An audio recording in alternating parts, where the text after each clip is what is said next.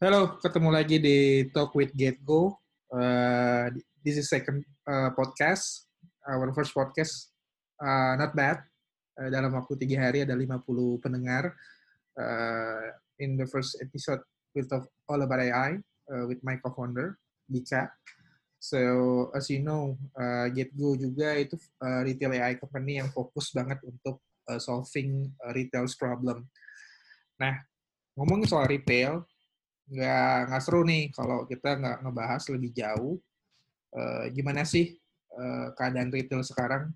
Mungkin pre covid during covid or maybe uh, apa yang bakal terjadi post covid ini?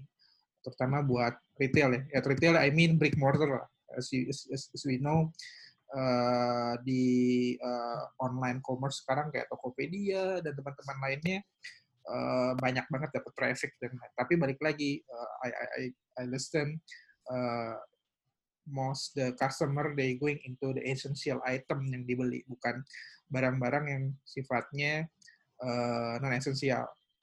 Nah hari ini kita kedatangan uh, our commissioner and advisors dan uh, orang yang memang udah uh, 20 tahunan uh, di uh, retail, terutama di FMCG retail. So the one and only, I invite you uh, Pak uh, Keserio Palindungan. Uh, gue manggilnya Abang nih, ya, uh, Bang yeah. Bang Rio manggilnya. Mungkin Bang Rio boleh perkenalkan diri uh, tentang uh, dirimu Bang sedikit. Halo, uh, ya nama saya Cesario, uh, panggilan Rio aja sebenarnya.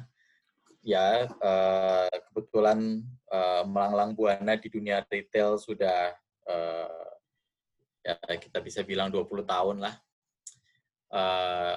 Sebagian besar di format uh, hipermarket tentunya. Di role yang uh, komplit juga dari sourcing dan merchandising dan juga di operation. Jadi kurang lebih seperti itu coveragenya Uh, Sekarang posisi Bang terakhir di lagi di mana nih posisi? Sebagai apa? Oh, sebutin merek nih ya? Apa-apa, biar tahu juga. Oh, apa-apa ya. Ya, iya. jadi uh, uh, kalau dari posisi sebenarnya saya menghabiskan waktu uh, supaya lebih jelas, saya menghabiskan waktu secara total ada sekitar hampir 15 tahun di uh, Carrefour Des uh, selanjutnya uh, sekarang disebut Trans Retail, kemudian uh, sekarang saya di Superindo, uh, Superindo Supermarket, saya in charge di strategi dan e-commerce. Hmm. So beliau ini yeah. executive director di Superindo sekarang. Oke. Okay. Nah, Bang, langsung aja mungkin kita lihat situasi kayak sekarang ini semua tuh Banes uh, ya orang-orang mungkin pada umumnya tahu lah ya semua retail pada terutama retail-retail yang non esensial pada tutup gitu. Kayak kayak toko baju kayak toko yang sifatnya non esensial lah gitu. Nah tapi efeknya corona ini kan semua orang going to purchase yang esensial gitu. Pengen tahu aja uh, current conditionnya untuk uh, retail terutama uh, yang esensial ya groceries gitu so apa yang terjadi sih keadaan sekarang? Uh, keadaan sekarang ini sebenarnya ya kita bilang memang terjadi shifting besar-besaran uh, kepada uh, konsumsi barang-barang uh, yang in home ya, in home hmm. consumption yang sebelumnya itu sempat ditinggal. Jadi hmm. misalnya terutama oleh kaum urban itu sebelumnya hmm. itu mereka jarang masak di rumah, senangnya beli di luar. Uh, kemudian uh, beli barang-barang uh, apa namanya yang experiential ya biasanya hmm. kan entah elektronik, olahraga, shirt, apa baju, hmm. uh, apa namanya barang-barang uh, hobi gitu ya. Nah sekarang ini kita lihat memang shiftingnya dengan adanya COVID ini. COVID ini pertama kita lihat adalah efeknya terhadap ekonomi ya. Hmm. Uh, tentu dengan banyak bisnis yang terganggu karena tidak bisa berinteraksi langsung dengan konsumen. Jadi hmm. bisnis-bisnis yang perlu interaksi langsung dengan konsumen atau konsumennya perlu hadir untuk hmm. mendapatkan value yang yang uh, maksimal dari suatu produk misalnya hmm. restoran ya kan hmm. restoran uh, meskipun bisa di GoFoodin tapi uh, datang ke restoran tertentu kan dapat experience-nya ya. Ya. Uh, yang nggak bisa dibeli dengan uh, home delivery gitu ya. Kemudian uh, tentunya belanja fashion gitu kan. Orang masih belum trust kalau bolak-balik ini nggak cocok rasanya kurang pas segala macam mereka masih ketergantungannya harus datang ke site nyobain uh, baju atau sepatu untuk bisa akhirnya melakukan pembelian. Jadi tentu banyak bisnis-bisnis yang harus didatangi. Misalnya mall untuk dapat experience di mall, dapat AC-nya, dapat jalan-jalannya, dapat hmm. happy-happy-nya, dapat mainannya ya harus ke mall-nya gitu kan nggak bisa secara virtual. Jadi uh, saya melihat memang ada bisnis-bisnis yang uh, hiburan juga gitu kan, mau nonton bioskop gitu kan, experience-nya adalah ruangannya gelap, besar, hmm. banyak orang, jadi jadi penonton yang pertama, uh, kemudian sosialisasinya gitu kan, jadi hmm. semua yang konsumsinya mencakup experience juga gitu ya, uh, experiential shopping itu ya memang terimbas. Sayangnya bisnis seperti ini itu cakupannya dan uh, apa namanya uh, efek multipliernya uh, lumayan besar. Ya, Betul. jadi uh, bisnis bisnis pendukungnya pun banyak gitu ya, kan. Karena jadi, karena banyak labor intensif di situ kan. Nah, di situ labor intensif. Jadi tantangan kita adalah akan banyak angkatan kerja ini yang uh, penghasilannya berkurang. Hmm. Kenapa saya bicara seperti ini? Karena ini terkait nanti dengan pola konsumsi. Jadi kalau saya melihat itu uh, ada stage, tapi stage-nya ini lumayan cepat, hitungannya mingguan sama bulanan, nggak nyampe hmm. satu dua bulan dalam hitungan mingguan. Ini saya agak khawatir dengan shocknya, tapi hopefully orang apa namanya uh, beberapa rekan-rekan kerja kita yang terimbas ini semoga bisa beradaptasi dengan cepat. Jadi adalah pertama kali tentu work from home dulu. Oke, okay, hmm. di uh, beberapa function bisa work from home, yang frontliners tetap kerja. Sudah ada adjustment pertama dari work from home, uh, kemudian juga ada school from home. Ya, jadi hmm. customer pertama kali disuruh dibiasakan segala sesuatu yang harusnya interaksi di luar, sekarang harus hanya dilakukan lewat layar. Work yeah. from home, school from home, uh, bahkan pray from home ya. Jadi beribadah pun ibadah yang harusnya uh, berjemaah gitu ya, apa pun agamanya kan uh, semuanya ada ada ritual di mana harus uh, beribadah berjemaah harus sendiri-sendiri di rumah. Uh, sosialisasi pun harus dibatasi yang tadinya kumpul sama teman, kumpul sama saudara di, di, di rumah. Itu satu tahap pertama. Sehingga akan ada peningkatan konsumsi, ya, konsumsi di rumah. Tadinya hmm. makan di luar, aduh kayaknya nggak aman ya. Saya takutnya nanti uh, abang deliverynya yang sakit, hmm. yang masak sakit gitu. Jadi ya. ketakutan ya. pertama sehingga mereka akhirnya mulai mengkonsumsi atau uh, membeli barang-barang yang tadi kembali bukan hanya esensial tapi barang-barang yang uh, bisa menggantikan uh, kebiasaan konsumsi sebelumnya. Hmm. Jadi yang meningkat itu tentunya cooking ya, ya nggak hmm. hanya beras, macam tapi bumbu-bumbu dan dan uh, patternnya itu orang beli variasinya makin banyak. Hmm. Kenapa? Karena mereka bilang, lu saya biasanya makan pagi, makan siang, karena di kantor itu beda. Kenapa kalau di rumah mas pagi pagi siang malam sama. Jadi tahap pertama adalah mereka berusaha, ah saya pengen masak yang beda-beda, masak porsi-porsi kecil tapi ragamnya banyak. Jadi lucu hmm. itu kita kelihatan bahwa eh, varian-varian tertentu yang biasanya nggak terlalu populer ikutan kebeli juga. Jadi biasanya hmm Ya, kalau bumbu instan ya yang laku-laku mungkin uh, apa uh, opor, rendang gitu ya. Hmm. Uh, ini soto ya dibeli, soto rasa apa juga dibeli juga gitu kan. Hmm. Uh, semua bumbu instannya rata naik. Kemudian hmm. juga uh, ini ya pembelian uh, dessert. Nah ini biasanya hmm. dessert ini turun ini, udah lama turun. Orang nggak beli nggak puding lagi lah di rumah gitu kan tiap kali ya tinggal hmm. beli aja kok. Uh, beli es krim itu kan semua kompetisinya sama ya. Semua dessert hmm. itu saling kompetisi nggak nggak ada. Hmm. Oh saya craving banget pengen makan puding gitu.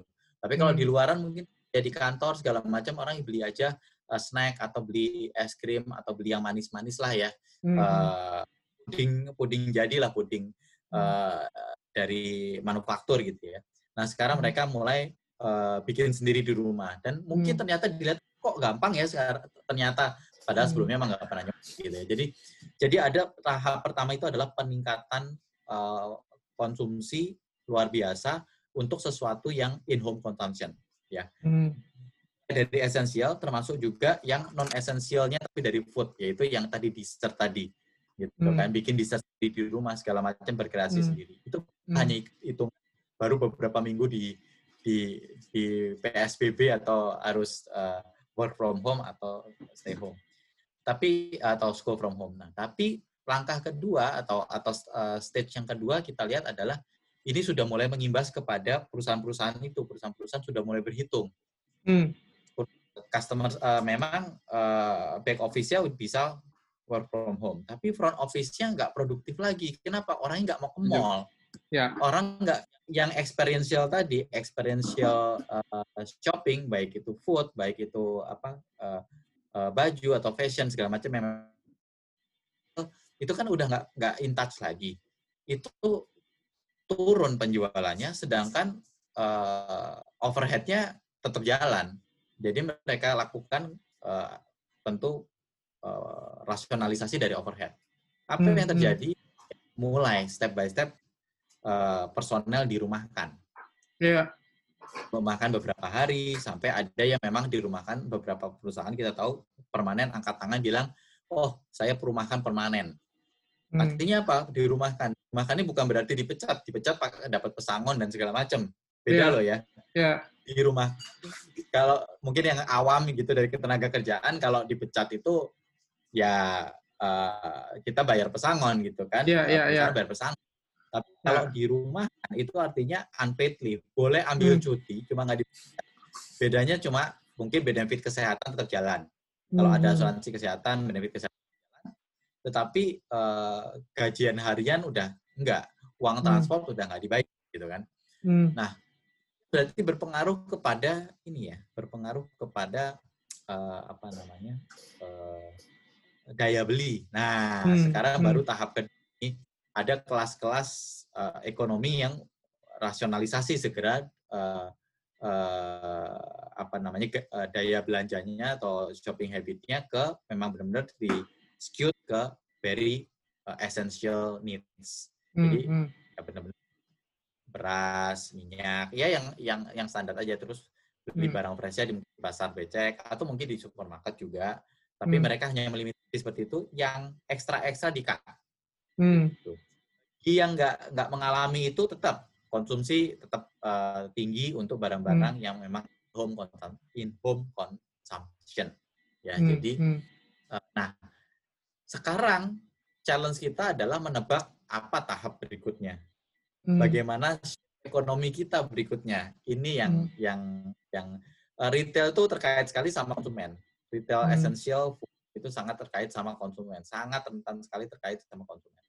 Hmm. Bagaimana konsumen nanti ber, ber apa, uh, bereaksi, nah itu langsung ter, terasa. Nah, saya melihat ya skenario-nya kalau pemerintah tetap ya uh, mengutamakan tentunya keselamatan dengan cara memperpanjang terus eh, PSBB, eh, work from home diperpanjang terus, eh, eh, dan kelihatannya semua bersikap berhati-hati. Jadi setiap kali ada satu checking point, udah hampir deket-deket nih berakhirnya Hmm. PSBB, yuk Hmm. lagi.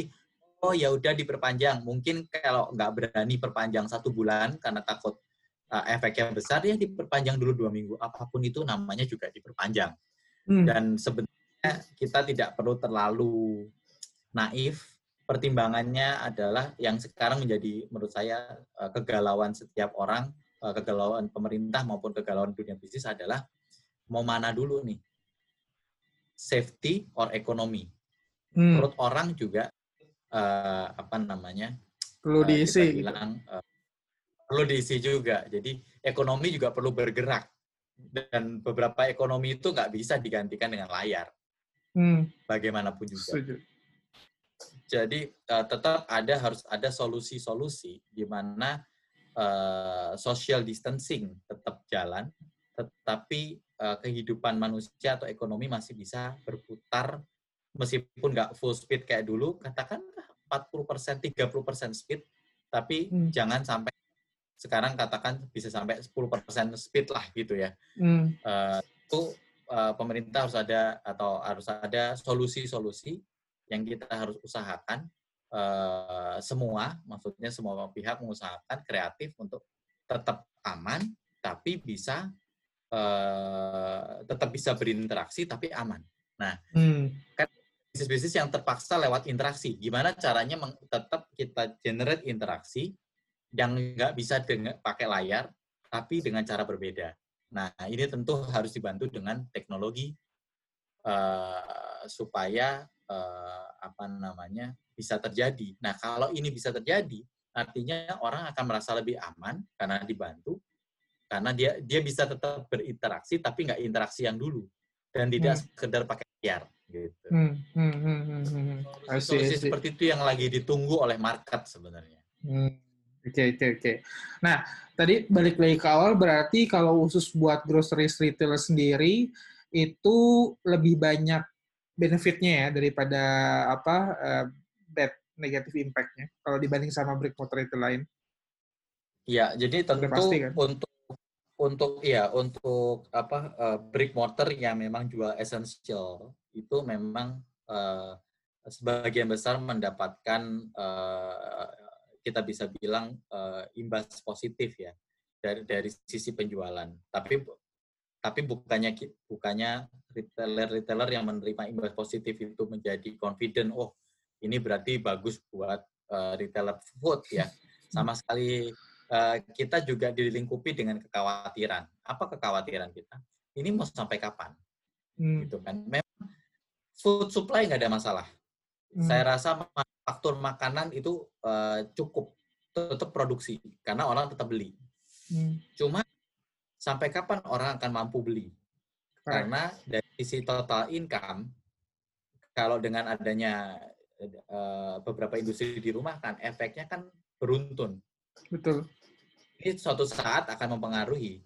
Suatu saat daya belinya akan mencapai puncaknya dan stuck ya memang sekarang beberapa food retailer yang yang uh, bukan di mall memang uh, mendapatkan imbas positif. Kenapa? Karena orang kan takut ke mall. Tapi hmm. kalau ke neighborhood store atau toko-toko di kalangan perumahan itu masih dianggap lebih aman. Kenapa? Hmm. Crowdnya nggak banyak, nggak banyak ketemu orang. Kemudian mereka bisa belanja dengan cepat. Masuk ya. belanja strict itu aja terus keluar, nggak pakai browsing browsing karena hmm. tetap dengan ketakutan, tetap dengan uh, tidak senyaman dulu kalau dulu kan ya tinggal santai segala macam kalau sekarang hmm. sebisa mungkin dan juga kan pakai masker ya jadi mereka juga hmm. bisa terlalu uh, experience uh, uh, ambient store-nya atau nyoba-coba sana sini masuk cepat cepat keluar cepat begitu. Hmm. Hmm, I see, I see. Nah, kalau dilihat dari portionnya sendiri, bang, uh, ya orang bilang kan ini to be honest nih, ngelihat beberapa pemain e-commerce yang jual fashion nih, tiba-tiba dia hmm. jual jual macam-macam nih minyak tanah lah, apa semua basic hmm. food. Ada perusahaan travel, travel startup, dia sekarang udah hmm. punya apa minimarket sendiri, eh, online mart sendiri gitu.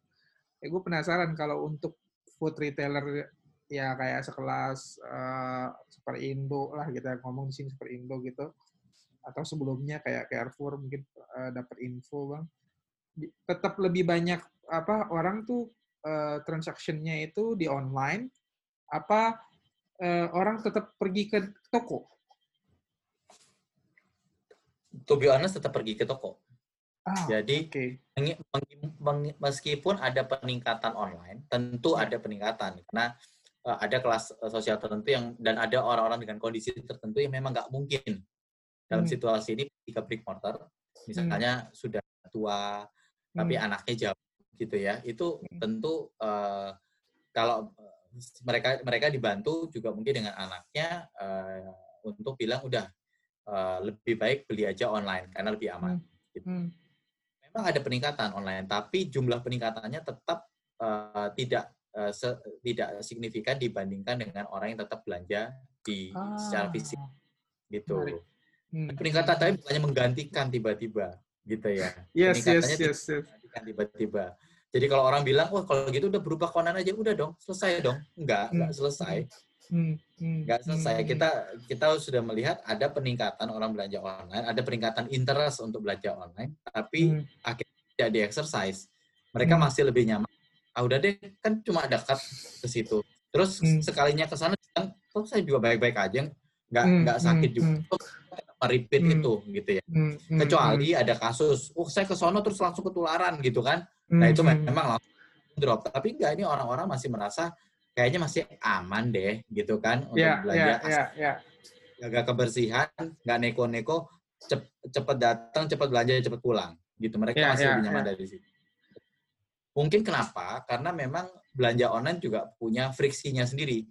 Hmm, Misalnya gambarannya nggak bisa banyak, search-nya susah gitu kan. Hmm. Kemudian apa namanya ya orang perlu waktu untuk membiasakan scrolling atas bawah atas bawah untuk Iya. belanja. Kan kalau di situ datang kan nggak scrolling, dia tahu raknya mana, ambil, Hmm. biar. Hmm. Gitu. Jadi hmm, hmm. memang masih di tengah-tengah sih. Tapi saya tahu ada kelas konsumen tertentu, bukan kelas lah saya bilangnya kelompok konsumen tertentu. Memang mau nggak mau harus belanja online. Ya. Itu karena mungkin dia punya jadi terlalu beresiko jika dia eh, apa namanya belanja secara fisik ke brick mortar. Setuju sih. Ini juga pengalaman pribadi sih, Bang. Maksud gua, eh, gua salah satu orang yang tinggal sebagai kaum urban lah gitu. Dan sangat-sangat early adopter, open sama teknologi. Tapi entah kenapa sampai sekarang itu kalau groceries tuh nggak merasa tidak tertarik gitu loh. Pernah sering, ada beberapa kali lah nyobain online. Tapi makin ke sini itu hanya sebuah sebagai additional aja eh, mainnya adalah main course-nya tiap minggu ya pergi ke salah satu uh, supermarket grocery store buat belanja sendiri. Satu karena kalau kita ngomongin COVID eh, belanja ke supermarket itu adalah salah satu eh, apa kayak vacation hiburan entertainment. Ya, Eh, karena ya selama di rumah terus nggak ngapa-ngapain ya sekali ada kesempatan buat belanja ya itu kayak hiburan gitu. Jadi belanja itu bukan Iya, cuma sekedar belanja kebutuhan kebutuhan dasar eh, atau pribadi tapi lebih ke ke ini aja sih mental juga gitu. Kayak menarik sih insight-nya. Saya Hmm, pikir betul. tadi betul. eh, gara-gara covid orang malah going to online. Karena ya tadi karena insight saya gitu semua perusahaan-perusahaan teknologi yang yang travel, yang fashion tiba-tiba ngerubah websitenya mereka atau tiba-tiba mereka nambahin feature biar orang bisa bela- belanja kebutuhan dasar mereka. Menarik tapi insight-nya justru orang nggak nggak nggak nggak nggak belanja online justru cuma hanya additional bukan bukan utama ya. Ya, menurut saya gini, eh, perilaku beberapa pemain online atau e-commerce yang juga yang tadinya tidak menyediakan food ter- terus jadi tiba-tiba menyediakan food ya tentu terkait juga dengan behavior customer-nya. Hmm. Kenapa?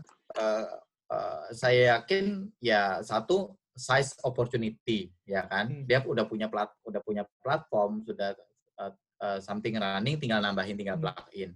Hmm. Eh, yang kedua juga bisa jadi juga mereka melihat antisipasi ke depan. Kalau daya beli eh, akan nanti tergerus, tentu pembelian online untuk barang-barang non pangan juga akan turun, Pasti.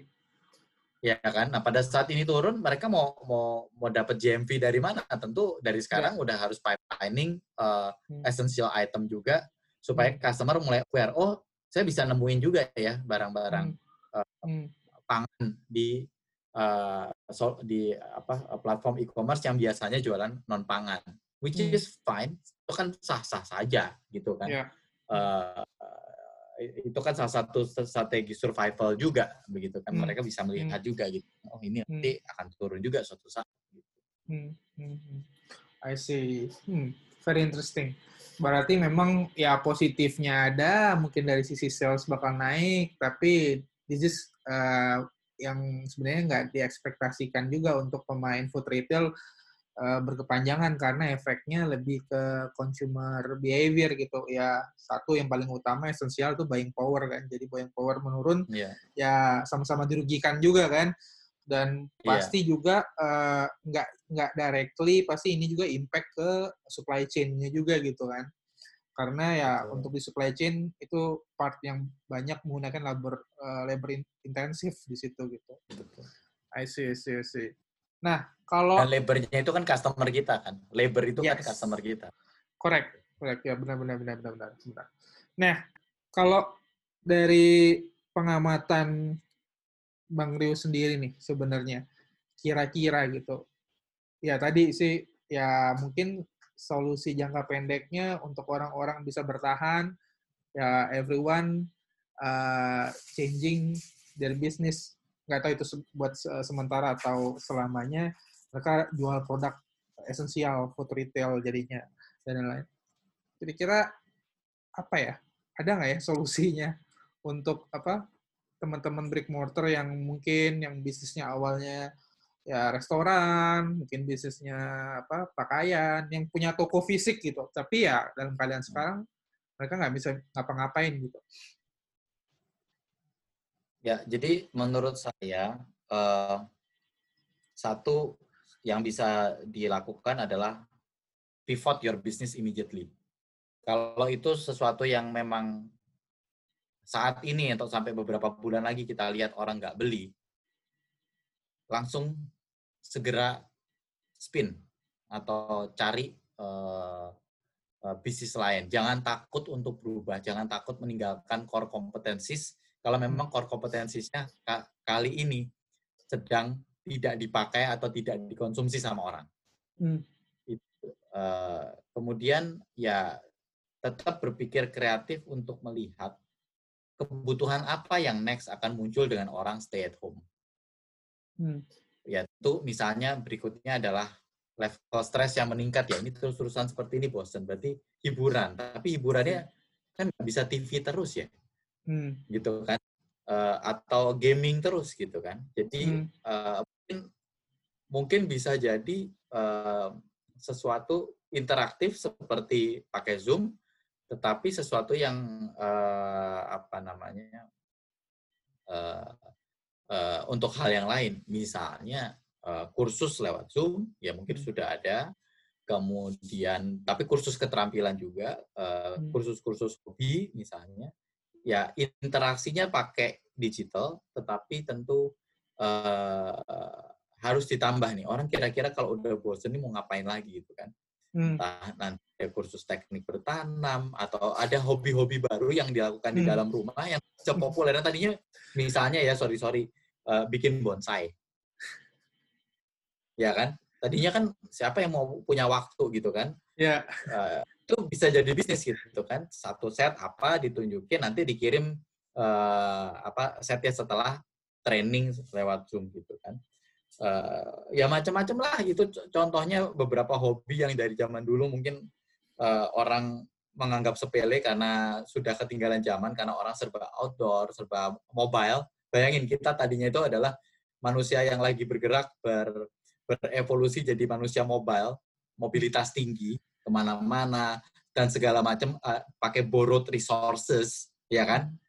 Uh, tiba-tiba uh, harus dalam situasi you have to go back to your home and somehow uh, nggak bisa borrowed resources. Kan nggak bisa mobile jadi bisa Ya. borrowed resources. Jadi kita harus uh, self sustain kalau saya lihat ini kayak kayak seolah-olah misalnya uh, uh, orang bertani sendiri di rumah atau Hmm. bikin aeroponik hidroponik bisa jadi suatu saat jadi jadi apa solusi yang populer Yes. At least jadi kebiasaan. beli gitu jadi kebiasaan terus dia bilang ya sekalian lihat dia lihat hijau-hijau segala macam karena kan nggak boleh keluar Hmm. Hmm. Jadi, Hmm. Eh, apa namanya eh,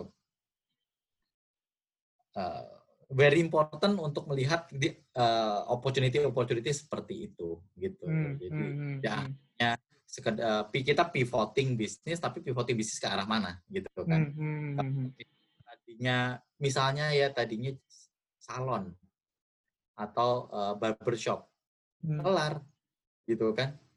Eh, orang takut gitu loh mau potongan Hmm. rambut takut gitu. Ya, ya pas perlu tapi takut. Ntar aja deh Hmm. masuk gondrong apa misalnya. So I don't know mungkin solusinya eh, bisa jadi ke rumah tapi nunjukin sertifikat free covid segala macam saya nggak tahu gitu kan. Maintain the uh, hygiene uh, atau gimana bisa jadi seperti itu bisa jadi datang rumah ke rumah misalnya memberikan service apa uh, salon atau tapi kalau salon ya perawatan gitu kan hmm. atau uh, barbershop gitu ya ya ya I jadi mesti mesti kreatif tapi tidak bisa dipungkiri uh, apa namanya uh, tidak bisa dipungkiri bahwa uh, ekonomi akan berubah. Hmm. Gitu. Hmm. Berubah jadi lebih baik atau buruk, bang? Uh, saya nggak bisa bilang lebih baik atau buruk. It's something different. Hmm, hmm, hmm, hmm. Gitu. Tadi kan yang abang lihat dulu lagi gitu. Yes, abang suggest kan itu mungkin ya kita harus mulai berpikir uh, kalau memang nggak works ya udah kita kalau mesti pivot ya mau gimana lagi gitu. Akhirnya kita harus leverage aset yang udah ada. Nah, itu kan lebih ke bisnis model tadi yang Abang uh, idenya tadi. Nah, masalahnya nih buat bisnis-bisnis yang yang punya physical asset nih, kayak toko di aset itu. Nah, kira-kira apa ya yang bisa di leverage ya dari aset fisiknya mereka ini yang bisa memenuhi keadaan kayak sekarang gitu buat retail? Ya kalau bisa dibantu dengan teknologi, ya orang yang punya aset uh, toko ini uh, kita bisa berikan solusi-solusi uh, interaksi bisa digantikan dengan teknologi. Jadi misalnya apakah pada saat pembayaran benar-benar tidak uh, bersentuhan untuk dibantu dengan teknologi atau uh, pada saat mencoba barang gitu kan uh, atau pada saat memesan barang bisa duluan uh, lebih dulu dipesan uh, dibantu dengan teknologi sehingga memperpendek waktu, memperpendek uh, uh, resiko interaksi. Jadi uh, tentu yang punya toko ini uh, yang masih brick and mortar ya perlu mendapatkan solusi-solusi uh, teknologi yang bisa membantu mereka untuk memperpendek uh, uh, jangka waktu interaksi dengan konsumen. Hmm. Hmm. Hmm. hmm, hmm. Itu salah satunya ya. Hmm. Hmm. Hmm. Hmm. I see, I see, I see. Satu hal yang penting soal makanan ya. Hmm. Makanan itu ada batasnya. Konsumsi hmm. itu ada batas.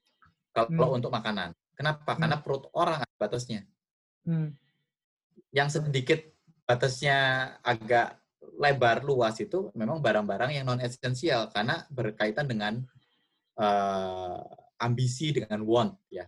Ya, Bukan intangible dengan, ya bang. Lebih yeah. lebih ke hasrat ya soalnya. Feeling, lebih hasrat dan feeling. Tapi yes, kalau yes. kita ngomong soal makanan, Selama ada batasnya. iya. Saya mau makanan agak mahal, oke. Setelah titik ambil yang beli paling mahal, kuantitinya hmm. terbatas karena nggak mungkin dia makan itu semua. Ya. Gitu. Betul, betul, Uh, dia saya mau konsumsi, saya suka sekali saya konsumsi tiap hari. Ya, tiap hari pun satu satu bulan cukup 30 hari nggak hmm. bisa satu bulan 10 hari gitu kan hmm. atau dia bilang satu hari saya makan dua boleh oke okay, maksimum dia makan dua gitu tapi apakah hmm. mungkin dia makan sampai empat hmm. Secara kesehatan bisa gendut gitu kan hmm. atau atau efek-efek lain jadi memang konsumsi itu ada um, lebih lebih ada batasnya uh, batasnya masih lebih jelas dibandingkan dengan uh, sesuatu yang terkait sama hasrat ya selera ya ada warna hmm. ada hmm style itu hmm. uh, apa namanya tentu uh, occasion juga bisa beda. Nah, kalau makanan hmm. kan occasion karena perut lapar. Hmm, hmm, hmm, hmm. Oh, see, see, see. Nah, bentar lagi kan Lebaran nih bang, ya puasa hmm. gitu. Untuk pertama kalinya mungkin dalam seumur hidup uh, seseorang akan ngejalanin Lebarannya beda gitu.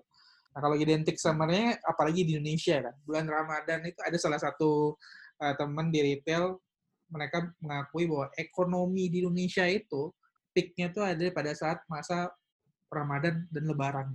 Sementara sekarang berubah bang. Kalau abang lihat sendiri gimana nih trennya? Kira-kira apakah bakal ngerubah? Uh, uh, apakah orang bakal tetap beli baju Lebaran? apakah tetap akan ada ketupat? Ada apa namanya? Apa? Uh, minuman botol itu gitu, marjan, sirup gitu misalnya seperti itu gitu. Apa bakal berubah nggak bang kira-kira? Jadi kalau saya lihat konsumsi paling besar itu adalah konsumsi karena uh, social gathering. Lebaran itu kan a, a big family and social gathering. Hmm. Uh, yang sekarang berubah jadi micro gathering hanya uh, gathering dengan uh, keluarga yang satu rumah. Hmm.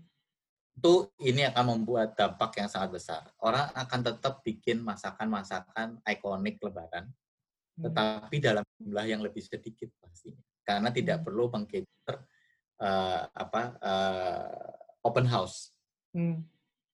gitu kan jadi uh, kalau ngomong baju lebaran ya ini yang, yang saya lihat uh, paling paling kena imbas gitu kan hmm. uh, baju baru segala macam itu adalah untuk social needs hmm. sebenarnya pakai baju barunya kan untuk uh, social needs, bukan untuk memang kebutuhan baju baru karena udah nggak ada baju lagi gitu kan. Hmm. Itu definitely akan jauh berkurang. Tetapi untuk makanan juga akan mengalami pengurangan karena hmm. konsumsi yang tadinya untuk bersama-sama karena social events, social occasions, hmm. uh, saling berkunjung, saling bermaaf-maafan uh, dengan keluarga, dengan teman segala macam, sekarang tidak bisa dilakukan. Tetapi mungkin yang bisa dilakukan adalah uh, yang bisa di uh, apa namanya disentuh adalah keinginan orang untuk berbagi hmm. karena hmm. mereka bisa saling mengirimkan bingkisan. Yeah. Hmm. Nah, ngirim bingkisan kan sebenarnya masih boleh, masih bisa hmm. dan solusi lah.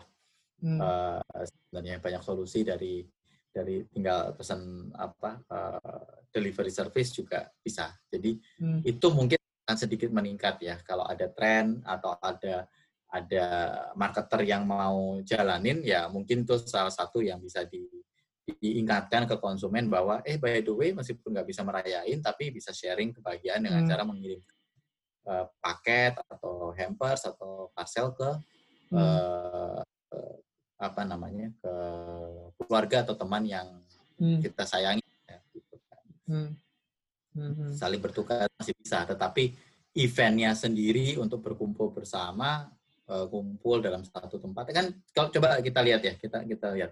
Kalau kita lebaran pada satu situasi normal, di rumah kita punya sirup hmm. buat kita uh, dan biskuit untuk kita makan sendiri. Habis kita makan minum sirup kita sendiri, kita tetap berkunjung ke uh, saudara, tetangga atau teman, di situ makan biskuit dan sirup juga. Betul. Jadi kok ya double ya. Nah, hmm. sekarang kalau adanya uh, kita makan biskuit sirup sendiri, tapi kita nggak ber, kita berkunjungnya lewat Zoom mungkin kan. Tapi hmm. di Zoom kan nggak bisa makanan gitu. Jadi sudah jelas memang occasionnya, occasion uh, dari konsumsinya berkurang. Hmm. Gitu. Itu yang pasti akan berimbas. Tapi occasion itu masih bisa di recover sedikit kalau mau dengan cara saling mengirimkan uh, bingkisan. Hmm, hmm, hmm, hmm. ungkapan nice. perhatian gitu hmm. kasih sayang itu masih bisa oke hmm. oke okay, okay. nah the last but not least nih the si GetGo sendiri kan kita ini perusahaan AI dan fokusnya uh, solving uh, retail problems. Kalau dari Bang Rio sendiri sebagai pelaku retail, uh, ngelihat problem yang ada di sini baik itu yang uh, essential retail atau non essential retail gitu, kira-kira gitu dari dari teknologi AI apa sih yang bisa kita bikin solusi untuk uh, solving problem mereka atau meningkatkan uh, atau mengembalikan uh, produktivitas uh, mereka lagi gitu. Hmm. Jadi untuk retail makanan tadi karena volume itu makin tinggi, sedangkan hmm. size tokonya gitu-segitu aja, hmm. bahkan orang di dalam toko harus dibatasi supaya social distancing bisa dipelihara Berarti solusi yang diperlukan adalah bagaimana bisa belanja cepat. Hmm. Belanja cepat artinya pick, uh, ambil barangnya cepat, uh, kemudian uh, di kasirnya juga cepat. Makin hmm. itu cepat, makin uh, terus jangan lupa retail makanan juga dibatasi jam bukanya. Hmm. Tadinya kan oh, ya. dari jam 9 pagi sampai jam 10 malam tuh. Sekarang hmm. kan udah dibatasi yang suruh buka jam 10, jam 11, ada setahu saya uh, ada yang jam 6 harus tutup. Yap, yap, yap, yap. bayangin jumlah konsumennya lagi makin banyak, tapi jumlah operasional tokonya dipersempit dan orang di dalam tokonya harus makin sedikit ya. pada saat yang sama. Jadi memang kita perlu sekali solusi hmm. di mana bisa self checkout itu udah pasti hmm. itu uh, menurut saya akan sangat uh, relevan atau juga home delivery juga bisa hmm. gitu home delivery uh, atau sudah uh, apa namanya uh, order duluan, pre-order duluan sehingga tinggal pick up.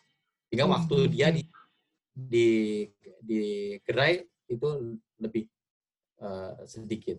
Dan untuk produk-produk non pangan yang masih perlu interaksi, mungkin AI bisa membantu dalam arti misalnya untuk produk baju yang harus dipas itu uh, AI bisa membantu untuk mensimulasikan, hmm. gitu kan. Tapi jangan hanya sekedar modelnya dipasang fasadnya aja, tapi hmm. juga bisa dengan ukuran masukkan hmm. ukuran pinggang segala macam segala macam kemudian uh, eh, AI akan mensuggest oh ukuran yang perlu sekian nih hmm.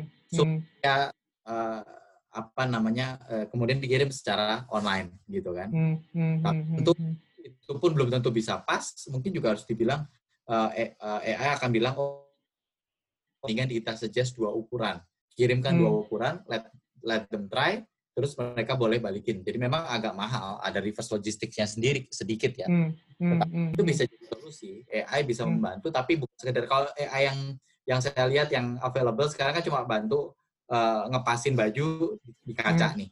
Hmm. Wah ini kalau saya ganti lagi, oh kalau saya matching dengan ini bagus segala macam. Tapi hmm. menurut saya itu saja hmm. yang hmm. diinginkan konsumen, tapi bagaimana itu bisa nyaman dipakai. Nah ini yang hmm. yang tentunya AI bisa membantu membuat dimensi, uh, ukuran dimensi yang lebih akurat dari sisi uh, apa aparel, pakaian atau hmm. sepatu atau apa dengan, hmm. dengan visi orang. Hmm. Hmm. hmm. I see. Salah satunya.